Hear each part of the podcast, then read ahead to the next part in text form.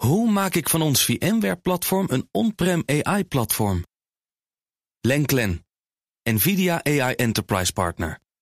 Lenklen, betrokken expertise, gedreven innovaties. Tech Update. Joe van Buurik is bij ons. Hey Joe. Dag Liesbeth en Kees. We beginnen met uh, heel veel geld. Mm. China wil 40 miljard dollar uittrekken om de eigen chipindustrie een flinke boost te geven. Ja, dat is een flink bedrag. En uh, daarmee kunnen ze zich meten met uh, onze westerse delen van de wereld. Kom ik zo op. Maar in elk geval is dit nu gemeld door Reuters op basis van twee bronnen.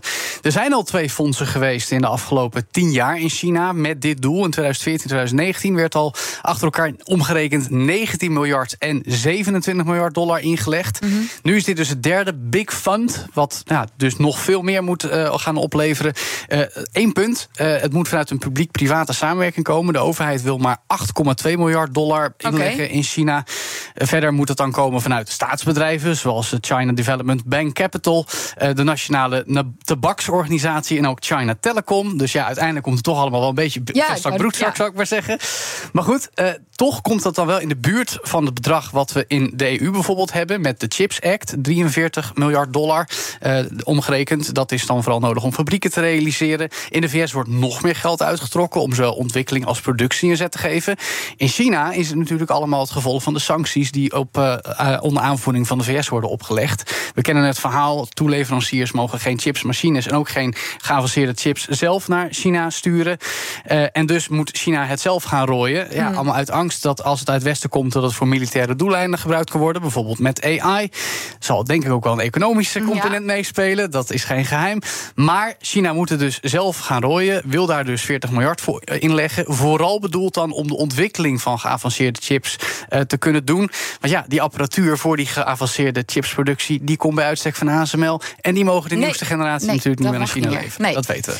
Over ASML gesproken. Vandaag heeft dat bedrijf zelf ook nieuws gemeld. Gisteren hadden we het nog over Peter Wenning trouwens. Mhm, ja. die, uh, met zijn opmerkelijke speech. Nogal. Maar ASML, onze techgigant uit Veldhoven... levert nog dit jaar de eerste compleet nieuwe chipmachine af. Ja, nee, ook interessant om dat te horen. Want dat gaat om de nieuwste generatie EUV-machines. High NA staat daarvoor. Dat staat dan weer voor High Numerical Aperture Tool. Wat betekent dat? Nou, ja. dat er eigenlijk nog meer licht uh, door de apparatuur kan... om nog kleinere chips met okay. meer rekenkracht te produceren. Dat is de korte samenvatting. Ik ben ah, heel geen helder. techneut. Nee, klinkt, ik geloof je meteen. Precies. Maar goed, uh, uiteindelijk gaat het om een apparaat zo groot als een vrachtwagen. Kostte 300 miljoen euro per stuk. Nou, dat kunnen alleen de grootste chipsproducenten ter wereld ophoesten... zoals TSMC, Intel en Samsung. En die willen die apparaten dus heel graag hebben. En tijd was onduidelijk wanneer die nieuwe generatie machine... nou uh, uiteindelijk voor het eerst geleverd zou gaan worden. Wenning spreekt tegenover Reuters van wat problemen met toeleveranciers. Het juiste kwaliteitsniveau van de technologie... wat daardoor gehaald moest gaan worden. Maar nu zegt hij, de eerste zending van die nieuwe high-NA EUV-machines... is nog dit jaar gereed. Wie de gelukkige klant is, Hmm. waarschijnlijk een van die drie die ik net noemde... TSMC, Intel of Samsung, maar we weten het niet. Eén ding weten we wel, het gaat in ieder geval Niet niet, naar China. Dus uh, overigens zegt Wenning er nog wel bij dat de meeste omzet dit jaar nog steeds uit de vorige generatie machines, DUV, Deep Ultraviolet Light, zal komen. Want die oudere generatie mag nog wel naar China en daar willen ze maar wat graag hebben.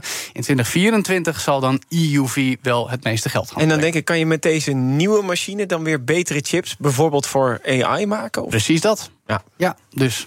En dan tot slot moeten we het nog even hebben over Zoom, ons videobelplatform. Ja. Want dat heeft ook weer opvallende aankondigingen gedaan rond AI. Als we het dan toch over AI hebben. Dit Wanneer niet, uh, Joe? Nou ja, in deze tech-update bedankt aan Kees. Die gaf een mooi voorzetje. Twee nieuwe AI-initiatieven uit die hoek... die gebruik maken van generatieve AI. Dus die technologie vergelijken met ChatGPT. Als eerste een Zoom Revenue Accelerator... voor mensen die in de sales zitten...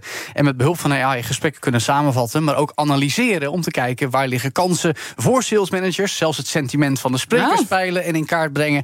om zo te kijken wat er beter kan en wat risico's Dus zijn. van je eigen videocall, je Ja, om te kijken van nou, hoe ga je daar een mooie offerte van uh, bakken, zou ik maar zeggen. Daarnaast interessanter voor bredere toepassingen een AI Companion voor iedereen met een betaald Zoom-account. Daarbij kun je meetings plannen, maar ook samenvattingen geven. Als bijvoorbeeld iemand 10 minuten later in de call zit, hoef je niet meer te zeggen: oh, we gaan nog even doorheen wat we net hebben besproken. Dat doet een AI dan.